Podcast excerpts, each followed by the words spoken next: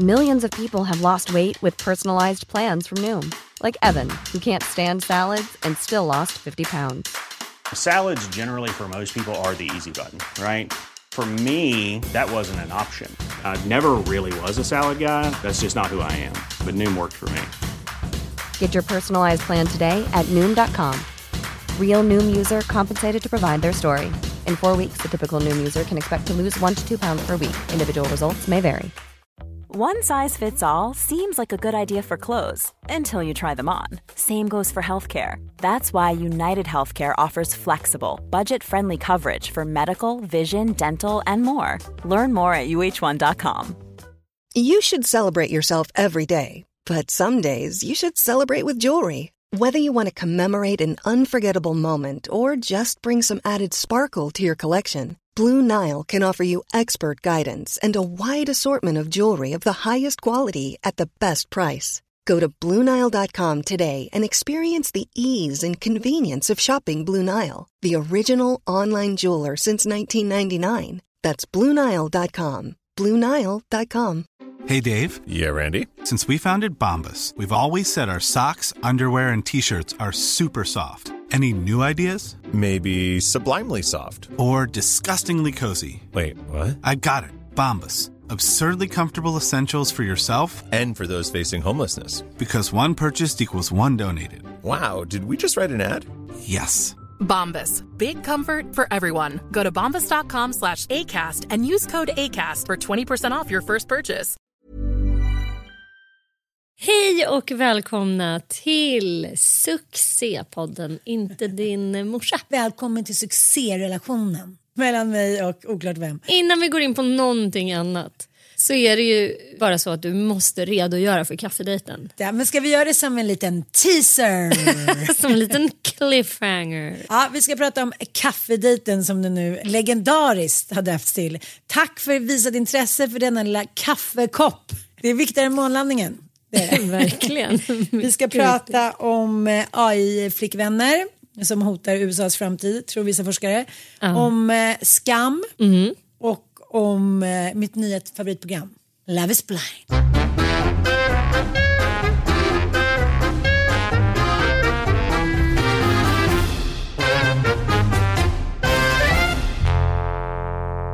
Vilka av dessa smaskiga ämnen ska vi börja med? Gud vad det är mycket smaskigt. Jag, jag, Eh, jag kände där med AI-flickvännerna. Jag kan säga dig att så här, just AI, eh, Sigge, eh, apropå att vi inledde här med Alex och Sigge, det, eh, det har väl inte undgått någon att vi lyssnar på deras podd. Men just Sigges fascination för AI har jag ju väldigt svårt för de segmenten. Det är då jag bara trycker förbi. Så här, för att jag, dels får jag lite jag får lite så här existentiell ångest av det. Det är Mm. lite som att prata om rymden med mig. Jag bara så här, svarta hål och nebulosor och sånt. Jag tycker det är bara Slukhål. obehagligt. Sluk. Ja, men slukhål är jag mer bekväm med faktiskt. Men Stephen Hawks, du börjar darra av skräck. att så här, universum impl- alltså så här, tid och så, ja, nej gud. Jag, jag, jag gillar inte det och jag Nej. tycker att AI är lite samma. Att det är så här, programmering, det är liksom en nivå av människans intelligens som jag tycker är så jävla knepig liksom, på något sätt. Ja men det är Men shoot, nu får du ändå köra ditt AI-segment här i podden. Ja, Berätta. ja, men det här har jag liksom läst lite om och hört lite om både här och där. Och virtuella AI-flickvänner på väg att skapa då en framtida ekonomisk kris skriver då Liberty Witter som hon är professor i datavetenskap i ett inlägg på The Hill. Hon skriver att en superhet och sexig AI-flickvän som heller aldrig är trött. Man kan ju få uppmärksamhet och liksom sexiga bilder och här, någon lyssnar på en 24-7. 2.0-versionen av den vanliga kvinnan som då förväntas att aldrig vara trött. Men, men det här är på riktigt och är fortfarande då, hon blir inte sliten heller såklart för att, ja, som sagt. Men hon säger också då att in, för tio år sedan så var det 30 procent av unga män i USA som var då singlar. Nu är det 60 procent. Eh, Hon menar då att så här, ensam, den is isolationen som många har, ja, men incel som vi pratar om i Sverige, den kommer ju bara förvärras såklart eftersom de sitter där och isolerar sig och när man sitter i sin isolation då får man också för sig att saker och ting är normala. Så det jag tänker i det här att man, man säger, det här är min flickvän, jag behöver inte anstränga mig, jag behöver inte ha en tjej av kött och blod, jag behöver inte fördjupa mig om någonting, jag behöver inte hitta andra, liksom, möta mig själv eller någon annan. Eh, och hon menar på att det här kommer ha förödande eh, konsekvenser då för USAs ekonomi. För att de här männen kommer ju då förbli barnlösa. Ja, och de kanske inte heller behöver jobba så himla hårt för en behöver inte AI... försörja någon. Nej, man behöver inte försörja någon. Alltså, ja, det är superbillig drift. ja, Bettan. Ja, behöver inga presenter, ingenting, inte en enda liten makaron att äta. Alltså det är ju eh, jättemycket billigare än att ha en familj förstås. Ja. I synnerhet deras ekonomiska system som bygger så himla mycket på att mannen då är någon typ av, provider. Liksom. Kämpa på. Liksom. Fan, Men vad jag tycker ändå att det är så otroligt läskigt. Så många unga män som bara har, känner då att de har blivit älskade av sin mamma och att det aldrig funkar. Så här, jag kommer aldrig med till andra dejten läste jag någon så artikel i DN häromdagen. Att han, han förstår inte vad det är för fel. Och då säger tjejerna så här, ja nej men liksom, du är jättegullig och trevlig men det hettar aldrig till. Och det är klart, sitter man framför datorn och lever liksom ett isolerat liv. Det är klart att man förlorar de där mänskliga, djuriska signalerna. Det tycker jag är helt självklart. Ja, alltså Till slut måste man väl göra det. Man känner liksom inte av det där längre. Nej, men jag tror att ja, det, det, det, det blir väl alltså, social samvaro, att umgås i grupp. Det, det vet ju alla som har hund att det är någonting som man måste träna hundar på. Man måste socialisera dem. Och eh, det måste vi göra med barn också. Det är klart att vi gör det genom förskola och skola men ju påvrare miljö vi har, det, det har vi ju haft som ett segment här i podden faktiskt och det blev ju ett jäkla liv på er som lyssnar vilket var väldigt kul när vi liksom började prata om hur skolan funkar och alltså att känna sig hotad i skolan versus liksom att eh, ja, men den typen av problem som finns i skolan idag som vi inte kommer åt helt enkelt och att det är en ganska vidrig miljö både att arbeta i och att vara elev i stundtals. Och det, är skit, det var jätte, jättemånga av er som höll med om det verkligen och att det är, det, det är så otroligt svårt att komma till rätta med. Men den miljön kanske inte är så superbra heller att träna sin socialisering i eller på, alltså en skola tänker jag, när, den, när de ser ut som de gör idag. Ja. Men sen, det är ju någonting väldigt obehagligt också med, med att titta på mina söner, som jag, liksom, jag har inte reglerat deras skärmtid och se hur otroligt mycket de umgås via skärmen med varandra. Och att det är ju liksom ett umgänge som man bara, men vad, vad är det de gör där egentligen? Vad är det de tränar på där? Det är ju ingenting som handlar om omsorg. Nej. Utan det handlar ju liksom bara om så här combat, om, om den här jakten, alltså det som vi eh, pratade om i förra, förra avsnittet. Liksom.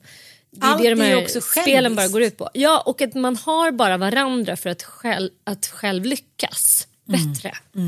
Men det handlar ju om att vara liksom brothers in arms eh, och att ta fördelar från andra tillsammans. Men det handlar ju noll procent, i alla fall vad jag kan höra, om att man blir ledsen om någon annans vägnar. Utan det är mest liksom ganska grova vidrigheter som skriks ut från mina tonåringars rum. Liksom.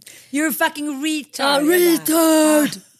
Bög! Ja. Alltså vidrigt. ja, verkligen. Ja. Så jag vet inte, kan de inte föra in då liksom i de bästa av världar så tänker jag att AI liksom skulle kunna bekämpa känslor av ensamhet. Jag minns ju när jag hade Anders Hansen eh, med i Karlavagnen just för att vi pratade ensamhet under en temakväll när det var corona och det, det liksom har ju skapats så enormt mycket eh, hälsoproblem, framförallt hos äldre, att sitta sådär isolerad så länge. Och då berättade han att det hade gjorts en studie att det räckte med att man ringde till eh, en äldre person liksom tre, till, om det var två till tre dagar i veckan och pratade i fem minuter per gång så förändrade man liksom hela den personens upplevelse av mening. Man blir sedd och hörd. Man blir sedd och hörd, att det är bara någon som bryr sig. Så, här. så det var ganska små medel och jag tänker så här, att det skulle väl i så fall kunna vara det fina med AI, att människor som redan är ensamma eh, kan få sin känsla av ensamhet lindrad. Men det är samtidigt extremt skrämmande när man börjar välja att unga människor hellre väljer AI som gemenskap. Jag vet. Ja. Men, men dels så kan man ju ha då en AI-flickvän som inte är på riktigt. Men sen är det ju många influencers som eh, också gör en AI-version av sig själva. Men jag, vet vad jag tror Ja, att, vad bara- som kommer lösa det? Det är liksom, för att just nu verkar det ju typ vara gratis med så här ChatGPT och gratis med AI-flickvänsprogram. Det kostar väldigt lite pengar i alla fall. Och sådana är ju vi tyvärr vi människor att vi är ju torsk på liksom status. Ja. Så det är ju ingen som vill vara ihop med någon jävla AI-flickvän eller liksom och chatta med det om det är liksom någon gratis grej som alla gör. Nej. Så det kommer vara tvunget att eh, Får betala för att det ska vara väldigt dyrt och exklusivt att ha en sån här. Ja, såklart. Ja, för att annars är det ju liksom ingen som kommer tycka att det är fancy. Eller vad man ska säga. Men- Eller tror du inte? Jo, nej, jag håller med dig. Och eh, jag tänker så här, det finns ju en influencer så här, som heter Karin Majori. Hon hinner inte prata med alla sina följare, det, det förstår man ju. Så då skapade hon en AI-replika av sig själv. Och då betalar de 10 kronor i minuten för att boten ska vara deras fickan. Då eh, har hon då tjänat över en miljon på en vecka. Och nu är... Jaha, men då har hon ju redan löst Ja. det där med att det ska vara status. Precis, och, eh, men hon menar att det är inte sexuella karaktären som är viktig. Utan det är liksom, eh, det var att hon ville bota ensamheten bland sina följare. Ja. Ja, Ja, men ja. det är väl liksom en fin och ärofylld grej. Ja, vi får väl se. Jag tror så här. Vi kan liksom, det här kan vi ju bara sia om. Det har ju inte gjorts några utvärderande studier. Det har inte, jag menar robothundar på så här, eh, japanska ålderdomshem har ju ändå effekt. Ja, men jag säger ingenting om det, men jag bara känner så här, våra redan, ursäkta uttrycket, slöa snubbar. Ja. Liksom, ja men sen, Så slipper vi dem. Det här kanske är det som är, det här kanske är så här, ursäkta mig, men det kanske är liksom, det här kanske är toppen för oss kvinnor. ja, men, Så slipper vi de här slöfockarna. Och så kan de sitta med sina AI, liksom, brudar som bara pumpar dem med så här, åh jag är så bra. Och sen kan vi leva luckan och har, sen kan vi leva loppan menar jag och ha det jo men underbart. älskling, om, typ, om så många snubbar tas bort från marknaden, även fast de är trökmönsar. Du kommer sakna dem, menar du det? Nej men jag menar bara så här, utbudet, man ska gå på en krog och det är så här 100 tjejer på 10 killar. Du vet hur det blir. Det Mm. har man varit med om på förskolan och hit och dit. Så fort utbudet är skralt Mm. då blir liksom även den fjösigaste snubben het och Mm. vice versa. Det är det, det, är liksom att det blir, en, det blir en konstig värld. Det blir som tvärtom, att här, det är som ett AI-krig. Att, att liksom, det har varit världskrig och männen har stupat och kvinnorna får gå ut och liksom slåss om varenda man. Det kommer skapa liksom alienation mellan kvinnor, inga barn föds, ekonomi går ner. Nej, jag tycker att det är... Ja, vi, får, vi, får ja, vi får tänka vidare på det här. Men, Ja, ja, vi får, jag får som sagt existentiell ångest av allt som har med AI att göra. Men jag också så kör väldigt något glatt svårt. nu, som skam till exempel. Nej, ska vi ta kaffekillen? Ja. Nu får han komma in i bilden. Om det var glatt, det vet vi inte. Det kanske var jättepisstråkigt som min älskade Fox har börjat säga. Pisstråkigt, det är faktiskt bra. Det är väldigt bra. Jag älskar det, jag säger det hela tiden.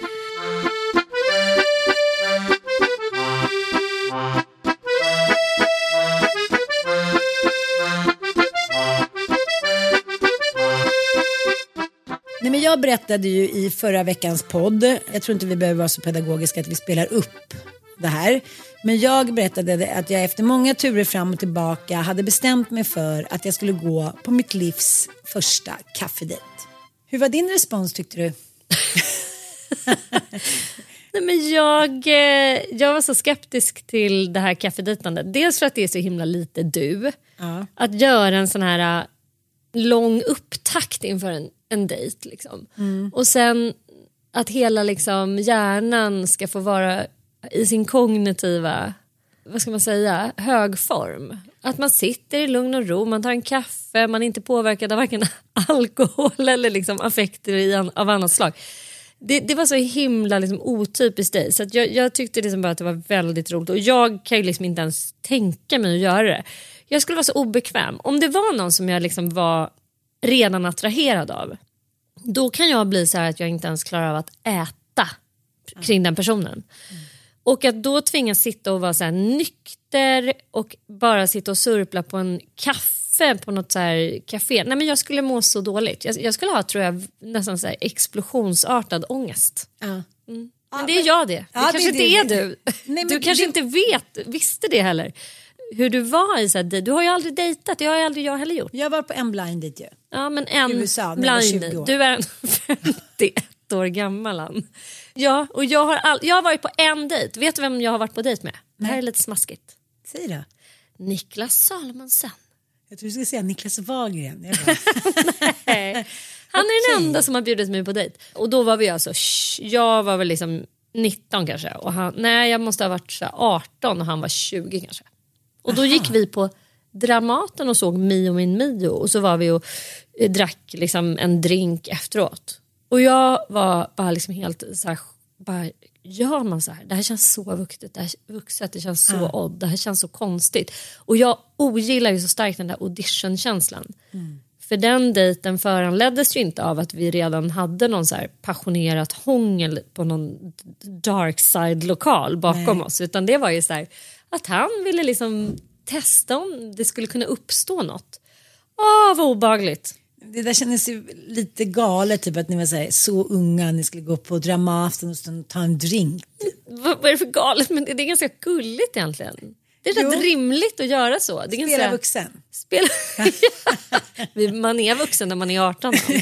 Men sen blev jag ihop med en drugge så då blev ju du brädad på auditionen. ja, exakt. Det gick jättebra. Ja. Nej, jag var på en till dejt kom jag på nu i början av den här sommaren. Säger inga namn. På Tranan. Då var jag har inte på du lunchdejt. för mig. Jo, det har du. ja. Ja. Okej, Ja, som helst. spännande. Ja. Ja, det här är från en eh, lyssnare då. Hej Ann, det kommer gå så bra på kaffedejten idag. Spännande. Jag var på min typ första dejt på PIP, eh, en bonde, förra lördagen. Gått bra, men man faller lätt in i sms-beroende och det där med att vänta med sex, ja, det gick ju sådär. Kram och njut av dagen. Ja, så hon hade varit på sin kaffedejt då, som någon bonde i en eh, svensk Så stad. roligt ju. Ja, Rera har sagt så här, kämpa på, det kommer gå bra, och det, är- det, det är inte läskigt, bla bla bla bla. Mm, så att, eh, ja, nej men det gick faktiskt ganska bra. Jag inser ju så här när man pratar om det här att det här är vanligt och frekvent förekommande och att det är liksom du och jag som är avvikande. Jag här. vet, vi framstår Så som riktigt omogna och patetiska. Ja, så jag är extremt omogna och patetiska. Men, Men jag vi måste få, det kan väl vi få vara? Ja. Vi är så perfekta i övrigt menar Ja, jag. jag gjorde en sån patetisk omogen grej. Jag sa att jag bodde på ett annat nummer. Nej, Jo. men berätta nu. Jag vill Okej. ändå höra om det här. Du måste ju liksom, vad alla andra tycker om kaffedejter sen. Nu berättar Ja. de själva liksom förfarandet. Vad Förfarandet hände? var då att, eh, att han kom och hämtade mig. Han Mm. hade sett ut då ett mysigt fik som han tyckte att vi skulle vara på. Så han, var- han väldigt så här, hade tänkt till, vi- ville anstränga sig. Det måste man ändå. Mm. Det måste man ge honom. Det är inte jag van vid.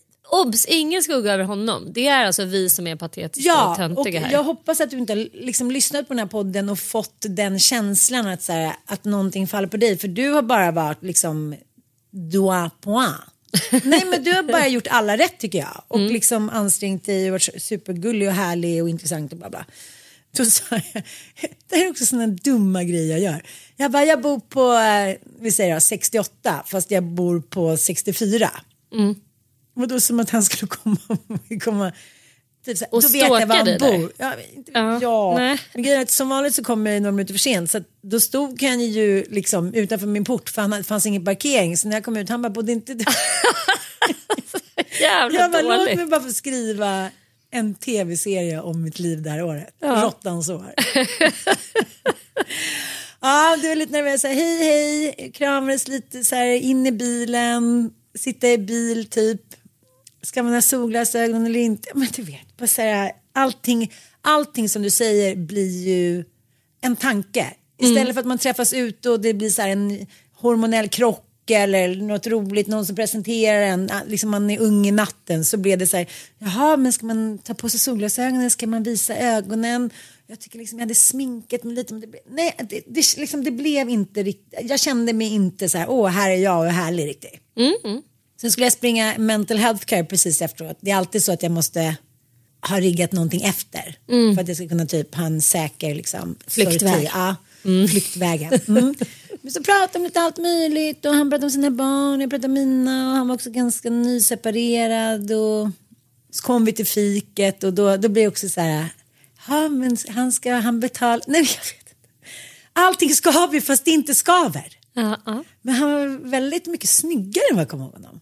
Ah. Jättefina ögon och så här. Nej, men han, han liksom var en härlig man. Liksom. Lång och snäll och mysig och intresserad. Han, det var liksom inga maner. Så kom vi dit och så han bara, ah, men det här stället är så fint, där har jag varit några gånger och jag bara, men gud, det här har jag aldrig varit, gud vad fint och sådär. Eh, han bara, ah, men säg, gå och hämta lite kaffe då, så köper jag frukost och så äter du liksom, eh, äter du korv typ? jag bara, men jag är så ovan med att mina liksom, autist och ADHD-män överhuvudtaget liksom, tänker på att det finns vegetarianska. Ja, människor som eventuellt äter någonting annat än vad de äter. Ja, och att det är, viktigt vad, det är viktigt vad de äter men inte vad den andra äter.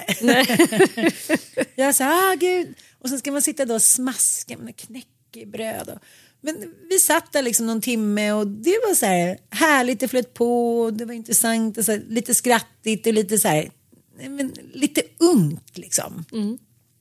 Skulle han skjutsa mig till det här loppet och då sa han så här, ska jag sätta på mer värme i bilen? Jag var så här, nej, då har jag liksom suttit och dragit i mina så här, tröjärmar som så här, fjortis. Jag bara, nej, nej, absolut inte, nej, jag kanske bara är lite så här nervös.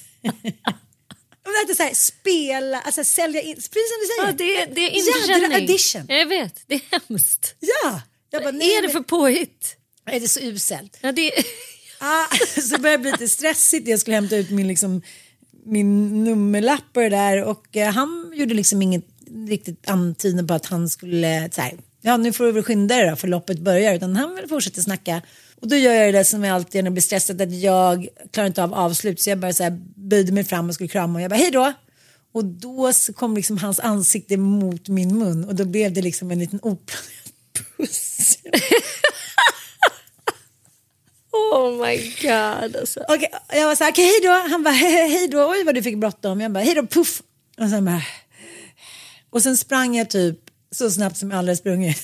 liksom. Ett helt lopp? Oh. Ja, jag bara, jag måste springa av med det här liksom. Och eh, sen, sen, så tackade jag, så tack för en trevlig, liksom, eh, tack för en trevlig kaffe, så här, det var jättehärligt. Och, men jag tror han kanske inte kände riktigt att jag var så jätteintresserad. Vi har inte hört så mycket sen dess. Har ni inte? Nej. Nej men det, det, nej, men det här är så märkligt alltså. Men det är ju så här det ska gå till. Det är så här det ska, liksom, sund kärlek ska få växa fram. Att man inte håller på att forcera saker och att man liksom känner sig för. Och den här audition-grejen borde ju liksom inte vara så jävla plågsam om man är en någorlunda landad människa som inte har liksom dysfunktionell självbild eller vad man ska säga. För att liksom, om jag eh, tänker på mig själv och, och den, den avvikelsen, att man liksom i kärlek bara så här kastar sig över en snubbe som man upplever stark kemi med och sen är ihop i 17 år. Alltså det är så jag har gjort nu med den här killen som jag är ihop med nu. alltså det, det har varit lite fram och tillbaka. Det har varit väldigt mycket fram och tillbaka. Det, men det har liksom ändå varit så här, någon slags övertygelse i det, bara den där första kyssen. Att så här, nu är det vi. och så var det ju liksom med ville också. Det var liksom helt sjukt. Och så var, har det varit egentligen med de killar som jag träffat. Att så här, jag träffar dem oftast när jag är packad. Ja. Så har det varit. Och ja. sen har det uppstått liksom en kemi, någon slags otrolig känsla av liksom det här är han, liksom, attraktion ja, och passion. En liksom sjuk typ, känsla. Sjuk, ja, men jag, jag, kan bara jämföra med så här, svarta änkan. Typ mm. så här, sätt på mig eller så biter jag huvudet av det. Typ. Ja men så ja. helt och att man bara är helt så berusad av en känsla som är och sen är det bara så här, det är han och så är man liksom besatt. Och, ingen kartläggning, inne, inget, inget intresse red flag. Liksom, vad har han för ihop? bra och dåliga ja. sidor? Har vi gemensamma ja. intressen? Det är så här, Verkar ha beroende av mm. slag. Och jag fattar ju så här, och, och, det är klart att vår, vår kultur har en för, för att så här, romantisera den typen av historier. Det är så här, love at first sight och det är soulmates hit och dit. Och att man känner det på en gång och sånt där. Men sanningen att säga, nej det gör man inte. Alltså det vet nej. man ju idag att det här är liksom inte ett bra sätt att eh, hitta varandra på och liksom, är det en kille som typ attackerar dig på det där sättet då, ska, då är det red flag. Mm. Eh, även en tjej som, alltså om någon av mina söner skulle liksom ha kommit hem och bara jag är ihop med den här tjejen som jag träffade igår. Det är klart att man skulle bara Eh, Är du? V- Vänta, du, du träffade henne redan igår och nu är du jättekär och nu ska ni flytta ihop. Typ. Alltså det, det, det har ju blivit lite tveksam. Och sen det där anknytningsproblemet när den andra då kanske är så här, inte svarar på typ tio timmar. Då bara så här, jag fattar att inte du var ihop med mig och sådär, sorry. Det var så här, men alltså jag var bara på golfbanan och då tänds det igen. Ja. Då är man tillbaka. Fast egentligen vet man inte alls vad det handlar om. Var det liksom något hormonellt? Eh, hade man en ägglossning? Kände man sig övergiven? Var det alkoholen? Det är som du säger, nej men då var det klart. Nej, men det är ju Det är liksom som sagt, det, det, alltså, om, om, om man tänker sig att du och jag ändå har liksom gemensam eh, problematik i vår uppväxt och liksom vårt medberoende och vi har liksom liknande vuxna barnproblematik och så, här, så är det klart att det här måste vara en del av det. Ja, för att man Såklart. är rädd för intimitet och när, liksom, när man redan klarar av det eller avklarar det då direkt med att man känner sån otrolig attraktion till den andra. Då liksom, hånglar man och ligger med varandra och då så behöver man liksom inte känna in eller visa att man är någonting som man inte vågar visa att man är utan då har man liksom sålt in sig. Som barn gör när de bestämmer sig för att de ska bli bästisar. Inte fan vet de om de egentligen eh, passar så bra ihop. Utan det är, det är liksom bara att man har någon så väldigt starkt behov av att ha en bästis. Och Det är väl lite grann så vuxna barn alltså, funkar. Att man så här, har ett väldigt starkt behov av att få vara tillsammans med någon. Den där anknytningen som kanske inte har fungerat optimalt. Liksom. Och så försöker man söka någon som kan ta hand om en eller komplettera en eller älska en eller se en och sådär. Och egentligen så är det sekundärt liksom, om det där är någonting som kommer lyfta ens liv eller inte utan det viktiga är ju bara själva själva relationen på något sätt. Alltså det är ju sjukt intressant när man tittar på det och att jag tänkte att så här, men det är väl så det är fast så är det ju verkligen absolut Nej men det, är inte. också, det, blir, det blir också så, det blir dubbelfel. För om du ska lämna någon som du haft en sån liksom, liksom passionskrock med. Dels är det mycket lättare att tänka sig, jag vill inte att någon annan ska få vara med och ha den där krocken. Eller liksom den ångvälten. För då blir man ju sotis och tänker så här, nej det går inte. Och då blandar man ihop det med kärlek och passion och sex. Och sen vet man liksom inte riktigt vad som är vad. Och så tänker man på det där som hände i början och då- blir det ännu svårare. För så här, vi har ju någonting, det vet vi, det var ju love at first sight istället för så här lite som att Love is blind som jag tittade på igår. Vi ska lyssna lite på den. I've met the person I want to spend the rest of my life with. I've never seen her before. Here, you will choose someone to marry Hello. Nice to hear from you. Can't say see ya. without ever seeing her. If you're ready to find the love of your life, Game time. the pods are now open. What kind of work do you do? What are some of your biggest turnoffs? So, what are you looking for in a woman? Ethnicity, race, physical appearance. None of that matters. I'm really starting to emotionally connect with you. This could be a remarkable love story. Men det är en serie som handlar om att man sitter som i olika poddrum i flera dagar och pratar med människor så här. Man ser inte varandra. Aha, Ja. okej. Mm. Och människor blir så, så dyngkära i varandra. Nej. På några dagar är de liksom head over heel. De bara pratar om det djupaste de varit med om. De är så här, de berättar vad de vill ha framtiden, personlighet.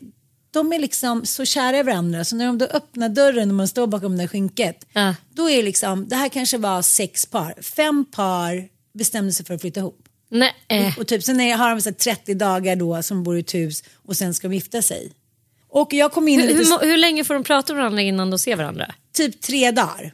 Och jag var så här, kom in i den där serien och då låg Emma och kollade lite. Jag sa, gud vilka gulliga par typ. Så vad är det här för serie? Hon bara, de har känt varandra i tre dagar. Jag var så här, nej, nej. Jag gick liksom inte med på det. För de här killarna i den här serien, dels var de så här mellan 26 och 32 typ. Alla kunde liksom laga mat som den värsta kocken. Alla så här, tittade i ögonen, de bara, jag älskar dig, du är allt jag drömt om. De var, så, de var så mature. Det här känner jag och jag har längtat så mycket efter någon och det var så ensamma kvällar jag fattar men litar inte du på mig när din pappa ska komma? Tjejerna var så här och de här unga snubbarna de bara liksom de bara lotsade fram dem i känslor och kärlek och trygghet. Jag var så här, nej men den här samtiden är så jäkla dubbel. Dels är det de här incel och AI som bara säger jag vill ligga och runka på och spela typ krigsspel. Och sen är det de där killarna som har vuxit upp kanske med ensamstående mammor och sett så här, gud vad alla kämpar, de är värda all respekt, jag vill bli någonting annat. Ja. Och jag vill säga, vi bara låg och grät. Vi bara, hur het är inte han? Han är så mogen. Bara. Elon kom in så här. Vi bara, gå ut, gå ut. Nej men du vet såna grejer som man bara, jaha, kan man tänka så? För att när man hamnar i den här krocken och passionen, kaka söker maka, då blir det också så här, det blir inte något vuxet samspel från dag ett. Utan man är ju inne i den där krockkudden och sen blir man på smällen ofta som man blir med liksom halvgalna killar. Ja. Och sen är ju liksom över, känner ju den, så här, det fönstret är ju stängt. Då är man liksom inne i småbarnsår eller liksom något bero, alltså någonting är man inne i. Så man har aldrig pratat igenom vem man är och hur man vill ha det. Det är liksom en sån svår uppgift. Men lite grann som, som eh, eh, kärlek vid första ögonkastet då, fast liksom i lite annan tappning. Det som är så häftigt att se att även om de har känt varandra så kort tid, är så här, kärleken är blind, så har de, de har ingenting att dölja längre för de har redan berättat om sina liksom, fel och brister sina innersta drömmar. Det är så här, utseendet är då inte viktigt. Sen kan de bli attraherade ändå och alla är såklart snygga som är med i den här liksom, serien. Men det blir så tydligt att de aldrig hade blivit ett par annars. Jag blev så himla besatt av när jag läste en jättelång intervju i tidningen Vi läser med ett författarpar som eh, hon heter då Abra Martina Lovden, hon är författare och journalist och han heter Sami Said. Och eh, han är flykting då och hon är så här kulturbarn. Och eh, då berättar de i den här intervjun om att de har brevväxlat i flera månader innan de träffas. Och hur viktigt det är för båda att säga hur, hur, så, en sån svår balansgång för de är så intresserade av varandra men de vill ju också eh, bevisa för varandra hur bra de är på att skriva. Och liksom ligga lite lågt så att de vill säga tålamod är en dygd men de, när de träffas då är det så här, de bara tittar på varandra. Och de har skrivit så mycket vackert, så mycket fint och berättat så mycket. Så att liksom, det finns inga rustningen är redan avtänkt. Det blir så bara världens starkaste, djupaste kärlek från sekund ett. De är så här, det här är för livet. Det, det finns liksom ingen annan möjlighet att gå vidare efter allt vi vet om varandra och efter allt vi har sagt till varandra. Det Men det här häftigt. tror jag mer på eh, än det här med eh, kaffedejten. Det är ju egentligen dels att kontrollera någons eh, liksom, attraktionsvärde. Och sen ha- handlar det ju om att du måste vara verbal. Och jag har i alla fall under främre delen av mitt liv varit ganska blyg Ja. I relation till nya människor. Jag har absolut aldrig varit en person som bara har känt mig jättebekväm i mötet med en helt ny människa. Så jag tror att det är det jag har tyckt har varit absolut jobbigast. Och att du blir också så jävla bedömd på något sätt. Att utseendet blir så bedömt. Däremot att skriva kärleksbrev, nej men där har du mig. Där Att börja skriva, att liksom smsa eller om någon skulle höra av sig på DM. Alltså Tinder tror jag jag skulle tycka var jättekul. Det är några snygga bilder som man får ta på sig själv, whatever. Liksom. Ja. Men sen att så här, börja chatta med någon eller skriva med någon, det är väl jättehärligt. Det Ja men det har jag ju gjort lite nu och då har jag blivit, alltså jag kan ju verkligen bli kär i någon som skriver Ja, bra. jag menar Det det. var ju det jag blev kär i i Nanook. Att jag tyckte att han skrev så bra. Även innan ni Ja, hånglade. ja, jag, jag Ja, du visste vem man var. Ja, men jag Ja. trodde ju inte att han var den han var. Jag trodde han hade någon utländsk bakgrund, hade tänkt Ja, ja, på något ja. helt annat. Men när jag fick höra att det var han, då bara så här, okej, då var det också klart. Men bara det här att det är viktigt, att vi båda tyckte att ordet så, var så viktigt, det var ju väldigt sexigt. Att verkligen så här anstränga sig när man skrivit sms eller skrivit Mm. kärleksbrev. Eller Mm. liksom. Mm. Han var ju kanske lite mer fåordig. Va? Ja. Inte så barnslig. Han var, det är jobbigt med killar som inte är någon barnsliga. De är så här, nej det tycker inte jag är kul. Man bara säger, nej okej. Kan du inte låtsas lite då? Nej det kan jag inte. Man bara, nej okej. Mm. Då behöver vi inte det. Ja, ja, ja, spännande. Ja, Fortsätt din följe i Ansons dejtande, liv och leverne. Ja, eh, ska avslöja en eh, är till lite grejer. Ja, nu vill jag höra mer. Problemet är varje gång jag gör något riktigt vuxet då måste jag ju göra revolt lite senare den dagen. Mm. Du vet såhär, okej nu ska jag hålla igen lite på godiset. Klipp till sex på kvällen. 23 godispåsar och liksom 19 bakelser. Gick jag ut lite där på kvällen. Mm.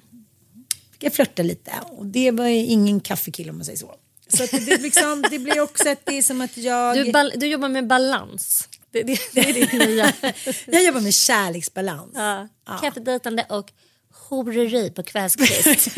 ja, men det är också så här, måste man alltid vara vuxen? Jag känner inte för vad Nej, just nu. nej, Nej. Du, må, du måste du ingenting. Punkt. Punkt.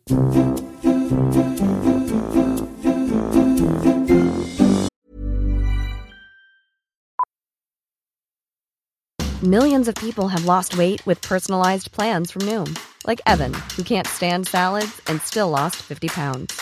Salads, generally, for most people, are the easy button, right? For me, that wasn't an option. I never really was a salad guy. That's just not who I am. But Noom worked for me. Get your personalized plan today at Noom.com. Real Noom user compensated to provide their story. In four weeks, the typical Noom user can expect to lose one to two pounds per week. Individual results may vary. Life is full of what ifs. Some awesome, like what if AI could fold your laundry? And some, well, less awesome, like what if you have unexpected medical costs?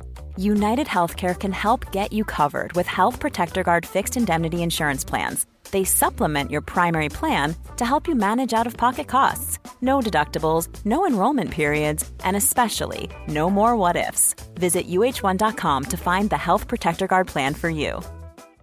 This is Paige, the co-host of Giggly Squad, and I want to tell you about a company that I've been loving, Olive and June. Olive and June gives you everything that you need for a salon quality manicure in one box. And if you break it down, it really comes out to $2 a manicure, which is absolutely insane. It's also so easy to get salon worthy nails at home with Olive and June. The difference between how your nails used to look when you did them yourself and now with the Manny system is a complete game changer. The best thing about Olive and June too is it's a quick dry. Dries in about one minute, lasts for five days, and full coverage in up to one to two coats. Visit oliveandjune.com slash perfectmanny20 for 20% off your first system. That's oliveandjune.com slash perfectmanny20 for 20% off your first system. Millions of people have lost weight with personalized plans from Noom, like Evan, who can't stand salads and still lost 50 pounds. Salads, generally, for most people, are the easy button, right? For me, that wasn't an option. I never really was a salad guy. That's just not who I am. But Noom worked for me. Get your personalized plan today at Noom.com. Real Noom user compensated to provide their story. In four weeks, the typical Noom user can expect to lose one to two pounds per week. Individual results may vary. Från det här till det lite tunga ämnet skam då. då. Men jag kände så himla starkt att jag måste faktiskt få prata om det här idag.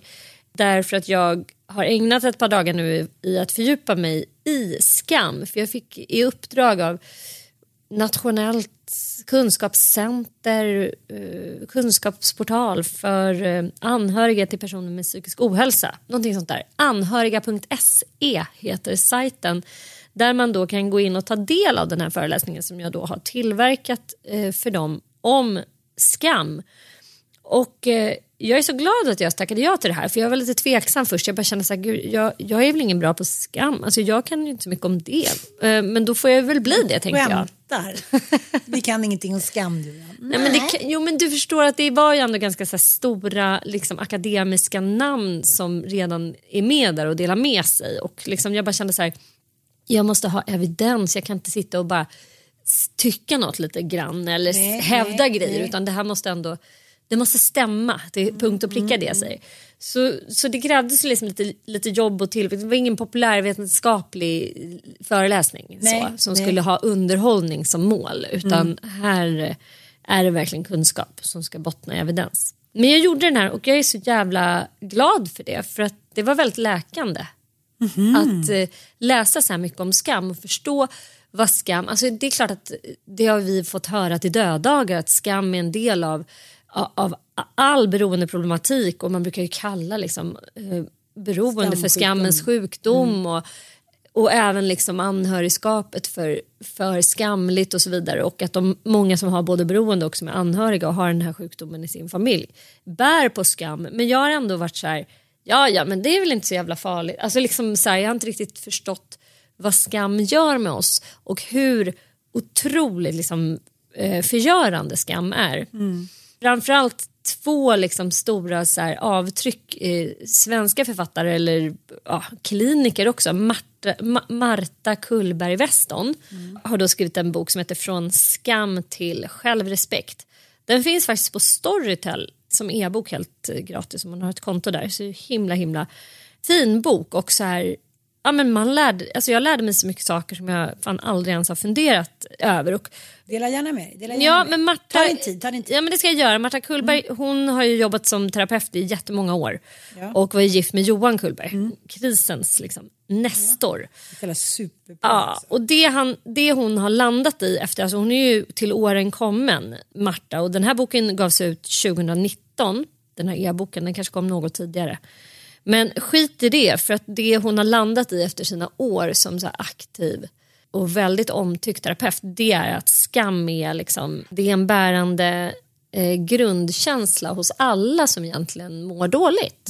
Även bebisar kan ju känna skam. Ja, och att det är en så här, som liksom undersöker om att skam också, det finns liksom positiva aspekter. Man, alltså att leva, ett- apropå de här incellmännen, jag tror att en stor anledning till att man älskar en, en chattbot eh, till flickvän istället för en riktig människa, det är ju att de absolut har 0% skamkänsla att erbjuda. Utan hela deras eh, sms smsande går ju liksom bara ut på att boosta självbilden, boosta eh, och bara peppa och älska trots brister och trots liksom tillkortakommanden. Att bli behandlad som ett barn. Ja, att bli behandlad som ett väldigt litet barn, fast inte ens små barn eh, älskar vi ju villkorslöst. Eh, Nej. För skammen i dess, liksom, om man tänker på att den ha, kan ändå ha en positiv funktion, det är ju att reglera oss i social interaktion med andra. Att man faktiskt känner en litet sting säger, nej men gud nu pratade jag för mycket eller oj nu tog jag för mycket plats eller oj nu var jag lite för självcentrerad eller e- egocentrisk här. Nu kanske jag måste backa lite och ge någon annan plats. Alltså så här, skammen reglerar våra beteenden så att vi blir mer otrohet, empatiska och schyssta. Ja men otrohet, allt Ja. möjligt. Så här. Det är klart att skam är bra annars skulle Sno vi liksom andras inte... liksom, Mm. saker, verk. Eh, Ja. Men sen kan man ju också använda skam för att verkligen förgöra någon. Och det är ju när man liksom på något sätt så illvilligt kommer på som människa att så här, jag kan skapa liksom osäkerhet hos dig genom att, att eh, få dig att skämmas. Och då får jag högre position och status än dig.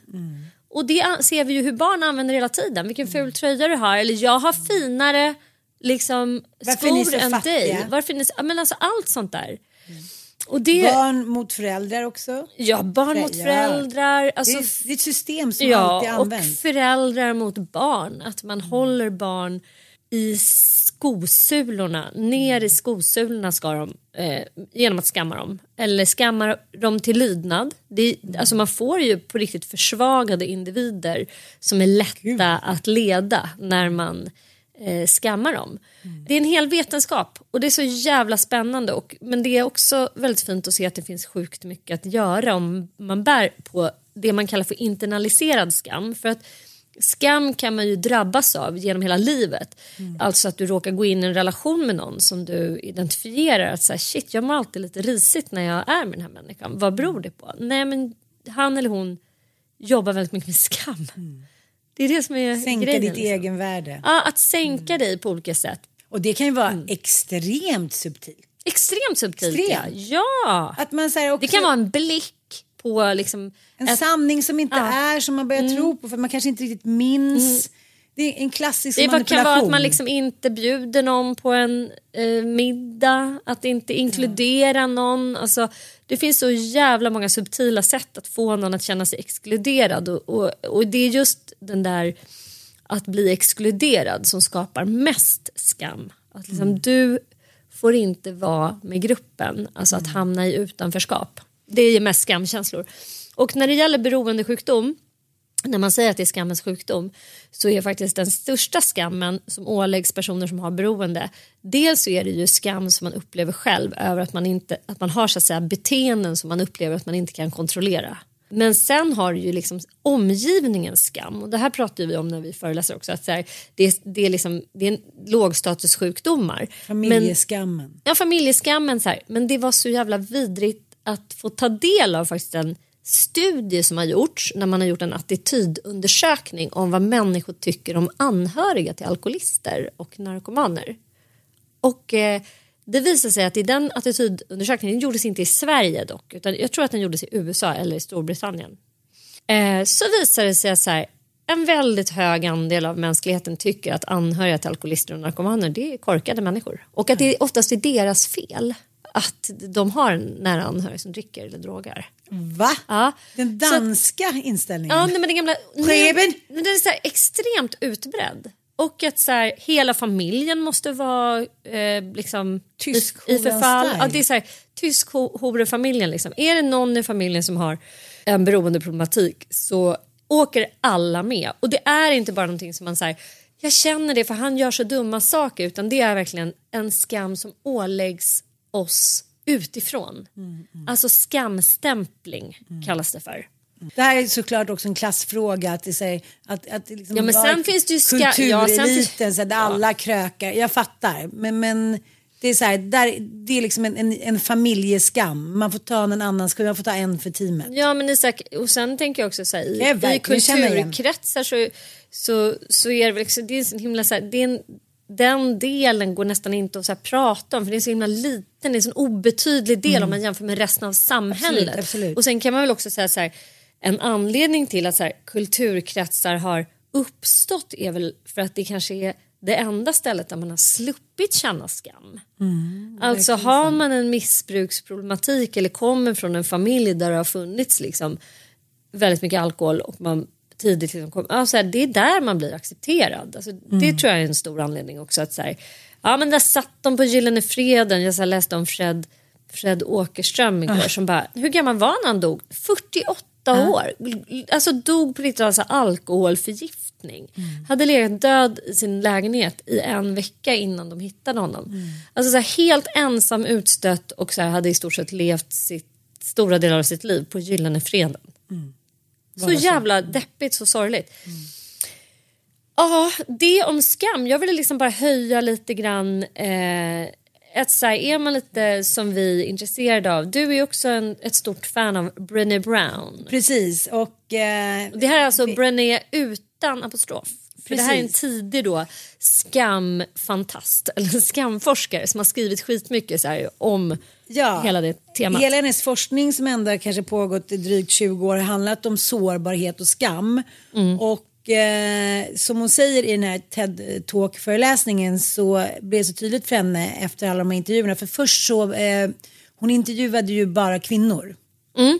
Det var liksom de hon baserade sin forskning på. Och eh, Eh, till slut så kom det fram några män till henne när hon var ute på några restaurang och sa så här, nu får, du nu får du inkludera oss. Hon bara, nej men I don't do men.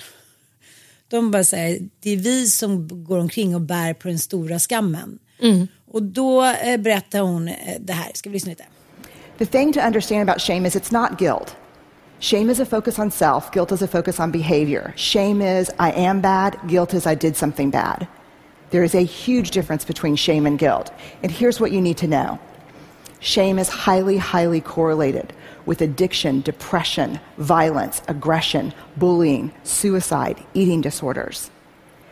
And here's what you even need to know more guilt, inversely correlated with those things.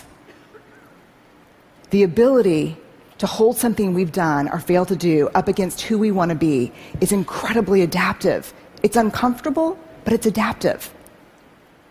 The other thing you need to know about shame is it's absolutely organized by gender. Shame feels the same for men and women, but it's organized by gender. For women, the best example I can give you is Anjali, the commercial. I can put the wash on the line, pack the lunches, hand out the kisses, and be work at five to nine. I can bring home the bacon, fry it up in the pan, and never let you forget you're a man. For women, shame is do it all, do it perfectly, and never let them see you sweat. I don't know how much perfume that commercial sold, but I guarantee you it moved a lot of antidepressants and anti-anxiety meds. Och eh, det som eh, Bernier säger också att män eh, stor skam för att vara sårbara. De säger så här, ni säger att ni vill att vi ska vara sårbara, att vi ska säga hur vi känner, att vi ska närvara känslor. Men när vi är det, då sitter bara hela familjen och tittar på oss som att vi vore så här misslyckade idioter. Mm. Medan kvinnor är det att så här, man ska alltid vara på gång, man ska hinna allting, man ska vara fräsch, man ska vara perfekt. Man känner skam om man inte är, vad ska man säga, historiskt den perfekta kvinnan. Liksom.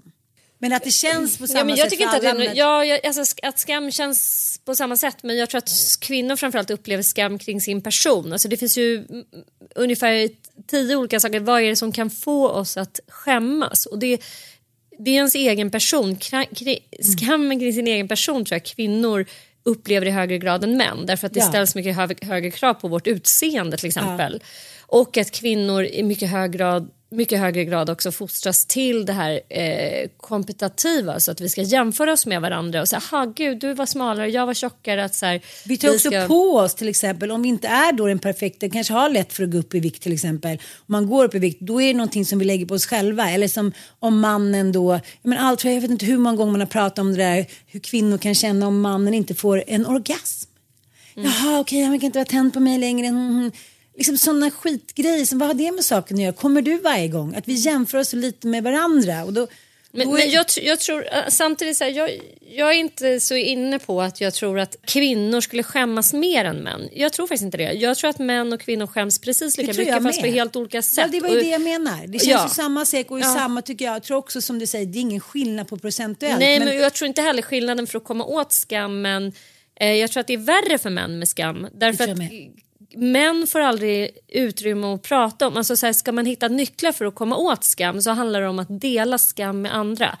Det går aldrig att bli fri från skam hemma på kammaren själv. Nej. Utan det behövs barmhärtighet. Du kan aldrig bli förlåten, det är bara de här handlingarna. Alltså skuld kan du bli förlåten ifrån.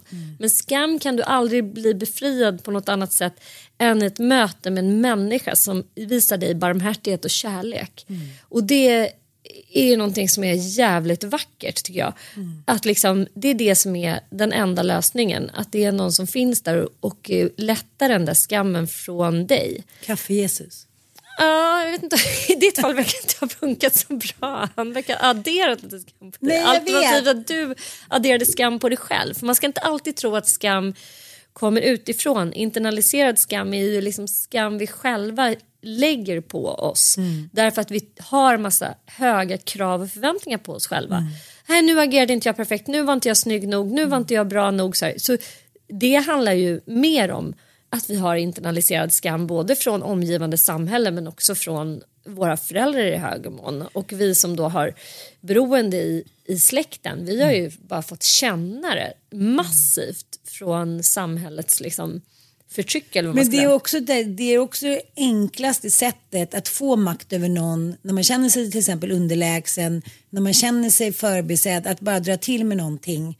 Gud, du, är så här, ja, du är precis som din pappa. Mm. Eller ja, du, du har du gjort liksom, du har ju du precis som din hela släkt har gjort. Eller Mm. det är ju för att du klarar inte själv för att ditten och datten. Och, Men då kan man minnas Eleanor Roosevelts kloka ord. När någon vill ge dig skam så kan du aldrig känna den utan samtycke. den var bra. Mm. Det vill säga, du själv kan faktiskt så här, om du är vuxen säga det där stämmer inte.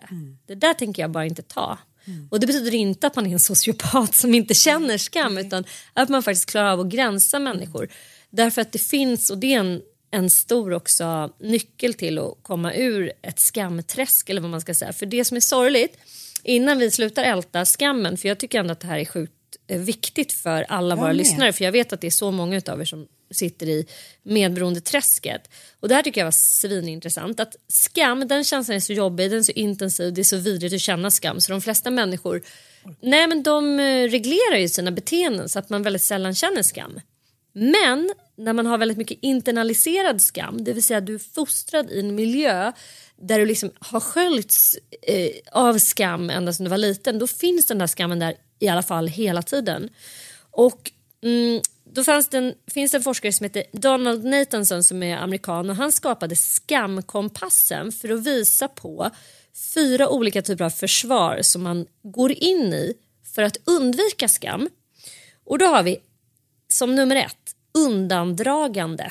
Och det är ju liksom en sticka huvudet i sanden mentalitet. Ja, den vet jag allt om. Den känner du till. Eh, att man drar sig undan, att man blir reserverad och man isolerar sig. Vilka andra känner vi som jobbar med den metoden? Ja, det är väldigt många runt om. Så alla människor egentligen som, som man känner som mår dåligt. Min pappa på det ena gjorde eller det. Min mamma bara försvann från jordens yta och gick upp i rök, svarade inte, svarade inte telefon. Min pappa, alltså så här, det kanske inte är liksom ett symptom på depression att man bara inte orkar utan det handlar om att man skäms väldigt mycket. Så när någon drar sig undan då kan man ju faktiskt bara säga okej okay, det här är en person som är drabbad av så jävla hög skam så att de orkar inte. Två, attack av självet. Och det här är en reaktion som kännetecknas av självkritik. Och syftet är att återta kontrollen över situationen och förhindra något liknande från att inträffa igen. Och det är då man blir väldigt så här, självkritisk. Alltså så jävla självkritisk kan man bli så att man börjar ägna sig åt självskadebeteende. Ja. Och i slutändan också självmord. Mm. Att man hatar sig själv så mycket så att man liksom bara vill förinta sig själv. Man står liksom helt enkelt inte ut. Det bästa är om jag inte fanns och därför så kommer jag liksom jag ger mig själv straffet innan någon annan ger mig straffet. Otroligt jävla hemskt men så är det. Undvikande och det är när man försöker undvika skam bara.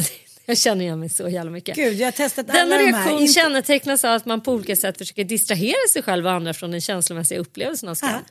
Lite bomull på det bara. Ja, det är liksom clownen, det är liksom, man bara whatever typ. Man, man försöker liksom släta över Vem tar sig inte en flaska vin då? Ja, fattar Ja, precis. Oj, oj, oj. eller snabbt byta samtalsämne eller liksom att man försöker lyfta fram små andra fel. Man liksom försöker flytta, flytta så att säga, fokus från, från den här skammen som man upplever. Men, och sen den andra som man också känner igen sjukt mycket, attack av andra. Är inte det så typiskt för hela alkoholistfamiljen? Att man liksom pratar så jävla mycket skit om alla andra. Alla andra är ju idioter och han är ju för fan SD och pedofil så det bara sprutar om. Ska Jävla skit- svenne, så jävla tråkiga. Fan, de sitter bara där hemma på fredagen och käkar taco och Ja. "Åh, Eller Fel allt, alla andra. allt invandrarhat liksom vi ser. Fy Bottnar så himla mycket i liksom att man ändå har en sån djupt internaliserad skam över vem man är och hur värdelös man tycker att man är. Så att då måste man liksom bara hitta något jävla svartfår där ute som man kan hata så Kapten mycket. Klänning. Ja, alltså Engagerar man... sig mycket i övergrepp och... Mm. Ja, liten klänning. Nej, men jag vet. Så här, jag tycker alltid att man ska så här, dra öronen åt sig när någon snackar sådär mycket skit. Så intensivt ja, också. så Ja. intensivt mycket. Och också om man själv bara så här, gud varför sitter jag helt plötsligt och har ett behov av att så här, prata illa om andra människor eller varför har jag ett behov av att så här mörkergöra andra. Liksom, då är det ju någonting som man inte är riktigt så här kontant med i sitt eget liv. det bästa, jag tycker att det är det bästa, så här, fingret i luften. Man bara, Ja. Ja. du sitter och snackar skit. Okej, du mår inte så bra va? Ja, och då kan man tänka sig att de där försvar, skamförsvaren, här, men det är väl ganska bra, då slipper man känna skam. Ja, men problemet är att samtliga leder till ökad skam. Därför att alla de här beteendena är ju liksom superdysfunktionella i relation till andra. Det kommer skapa massa skit i alla ens relationer. Om man är liksom sitter och pratar illa om alla andra, ja, men blir man omtyckt då? Svar nej. Om man drar sig undan och liksom bara låtsas att man är någon struts, det är jättesvårt att vara kompis med någon som gör så. Strutsen har ju använts mycket i, i min familj. Ja, men det har ju vi också. Och det är, alltså så här, alla de Tystnaden här. också är en väldigt skam. En Ja, skam. avvisande. Att man avvisar någon. Alltså man bara drar Att sig den andra, undan. som, liksom, den andra finns inte längre och man förstår inte varför riktigt. Mm. Man tänker så här, är jag en sån dålig person? Mm. Ett steg längre bort. Det är, skam är en väldigt obehaglig maktpositionering. Alltså den, den är så otroligt effektiv. Det räcker bara att säga liksom en mening. Ja men och sen någon- ska man ju veta att människor som skammar andra själva är extremt skamridna. Det är det som är ganska tröstande på något sätt. Mm. Att så här, människor som beter sig och använder sig av härskartekniker och Mm. har narcissistiska drag och är så här väldigt skammande och vill lägga över skulden på alla andra. Det är ditt fel. Ja, de har oftast jättemycket skam själva. Mm, Och det, det är väl det man på något sätt ändå kan försöka bära med sig i hjärtat. Att liksom så här, det här är bara massa försvar. Allt det här är bara massa jävla försvar.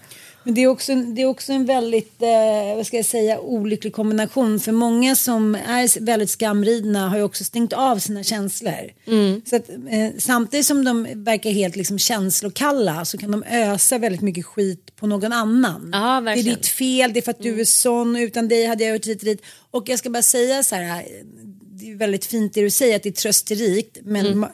människan klarar ju inte av att bli sk- skammad av en starkt skammad hur mycket som helst. För det tär ju. Nej. Och Ja, jag menar, vi- för ett barn ja. till exempel, det är ju det, det, det är liksom förgörande. Men jag tänker i en vuxen relation, Mm. man har möjligheten att som Eleanor Ro- Roosevelt säga nej tack. Jag Mm. tänker inte bära den där skammen bara för att du känner dig som en eh, liksom, Nej. sophög själv. Fast Eh, man normaliserar ju också som vi pratar Ja, också men om lever man i medberoende. Så jag relation tycker såklart. ändå så jag måste lägga in en liten passus här att så här, jag har varit med om i relationer både med vänner och med män och liksom familj att man, så här, man förstår inte riktigt hur skammad och manipulerad man har blivit av skammen. För skammen är ju en stark manipulation att få någon att liksom vara ställföreträdare för skammen. Mm. Det är ditt fel, om inte du hade gjort så, du är så dålig bla bla bla för att den andra tror att den blir av med lite skam. Men istället blir den ännu mer skammad för det blir dubbelskam för man får skuldkänslor ofta. Mm. Som man inte vet om för man har stängt av. Mm. Så det blir ännu mer fucked up där uppe i hjärnan, man mår ännu sämre. Men vad är svårt. passusen? Att jag skulle liksom mena att man ska ha överseende med människor som, är, som skammar en. Nej, men jag Det menar bara att menar du jag säger att, att som Eleanor Roosevelt säger så här, hej Mm. du får ta din egen skam. Mm. Men oftast i olika situationer i livet så blir man ju kidnappad av situationer. Man kanske har små barn, man kanske har en sjuk förälder, man kanske är ekonomiskt utsatt, bla bla bla. Då är det inte lika lätt att säga, jag tar inte din skit och din skam. Det sker successivt. Nej, nej jag, jag har full Ja, förståelse för ja. Mm. att det är svårt att göra det. Men jag tror ändå att det är den enda vägen ut. Ja, Alltså att bara fortsätta leva i en relation till exempel som präglas mycket. För det har också visat sig i studier att den typen som eh, försöker undvika skam, nej, attack av andra och attack av självet. Alltså den som attackerar sig själv, den blir oftast ihop med någon som attackerar andra. Så att liksom så här, den, de, det är oftast två personer som har internaliserad skam som söker sig till varandra och sen pågår den här då djävulsdansen i den relationen. Och jag kan ju verkligen se i min re- relation att jag är mästerlig på att attackera andra. Alltså i min och Mickes relation. Ja. Och han attackerar sig själv och kör struts. Förlåt, jag skrattar. Ja, nej men Nej, liksom men så vet, är det. det är det är så undvikande, gå och gömma sig, vara borta i tre dagar, typ kom, skära sig själv i armarna och Mm. liksom självhat och missbruk. Det är jätte, jätte överrepresentativt eh, hos alla som har utvecklat beroende. Depression, ångest, ätstörningar och beroende. Där är internaliserad skam liksom så här huvudingrediens. Och jag kände lite grann som att jag hittade liksom en nyckel till det. Att liksom, visst har man jobbat med skam i, i ACA och i liksom de här tolvstegsprogrammen som jag i alla fall har jobbat i och i min terapi men jag har liksom inte riktigt fokuserat på det. Nej. Jag känner att det här var en saknad pusselbit för att komma ännu djupare in i mitt tillfrisknande. Jag är så glad för att ha liksom, eh, börjat fördjupa mig i det här. Jag återkommer till temat. Ja, och när, när kommer man kunna ladda ner den här? Det tror jag man ska kunna göra ganska snart. Ja, men det kan du berätta nästa Jag avsnitt, berättar om det i ja. nästa avsnitt. Ja, superintressant. Man är inte skuldfri där själv. Men jag, jag måste också till ens försvar att man använder skam, vilket jag också har gjort. Det är till slut, det, det är en desperation också. Att man så vill väcka liv i någon som strutsar. Att man påtalar att någon faktiskt har gjort fel mot en, det är inte att skamma. Nej, men... Men att konstant säga så här, hörru du jag tyckte det var skitjobbigt när du gjorde så här. Mm. Men att säga så här, du gör alltid så här. det är ju skillnaden. som. Ja precis Du sådär. är- du är du, din du skam. är liksom. Ja. Du är ditt fel, du är dina brister. För Det är du som gör alltid säger, skillnaden på skuld och skam. Ja. Den Men är att liksom påtala så här, det där var inte schysst. Jag tycker inte om att du gör så här mot mig. Det, det är ju det är en väsentlig del av Ja, all ja, mellanmänsklig ja. Det måste man ju kunna Mm, göra. mm. Men däremot att liksom härleda det till en person. Att så här, du är liksom en... Vad var det nu är. Sköka. Jävla arsle. Ja, men det, jag tycker i alla fall att det var Nej, spännande, spännande. Mm. Och vet du vad jag tycker mer är spännande? Att du och jag ska åka och föreläsa. Så att ikväll när den här podden har kommit ut då kommer du och jag befinna oss i Lilla Edet. Några mil från Trollhättan. Några mil från Trollhättan så finns några goa lyssnare där ute som vill komma på en härlig föreläsning där vi pratar om att vara anhöriga till någon med beroende och eller psykisk ohälsa Mm. och eh, ja, catchar upp liksom. Ja, nu har vi på liksom- scen, on stage. Ja, har- Då kan ni komma dit. Ja, det kan ni. Vi är Mm. alltså på Folkets hus i Lilla Edet. Ja, klockan 18. Precis. Välkomna. Välkomna. Puss och kram. Puss.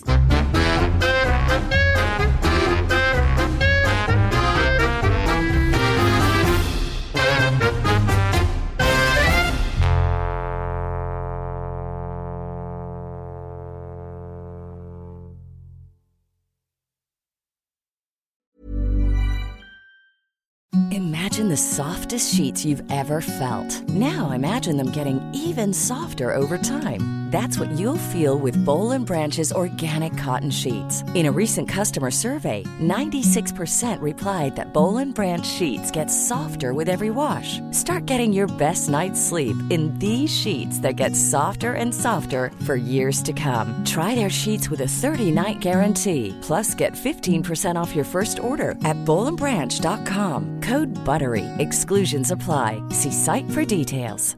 Mom deserves the best, and there's no better place to shop for Mother's Day than Whole Foods Market. They're your destination for unbeatable savings, from premium gifts to show-stopping flowers and irresistible desserts. Start by saving 33% with Prime on all body care and candles. Then get a 15-stem bunch of tulips for just $9.99 each with Prime. Round out Mom's menu with festive rosé, irresistible berry chantilly cake, and more special treats. Come celebrate Mother's Day at Whole Foods Market.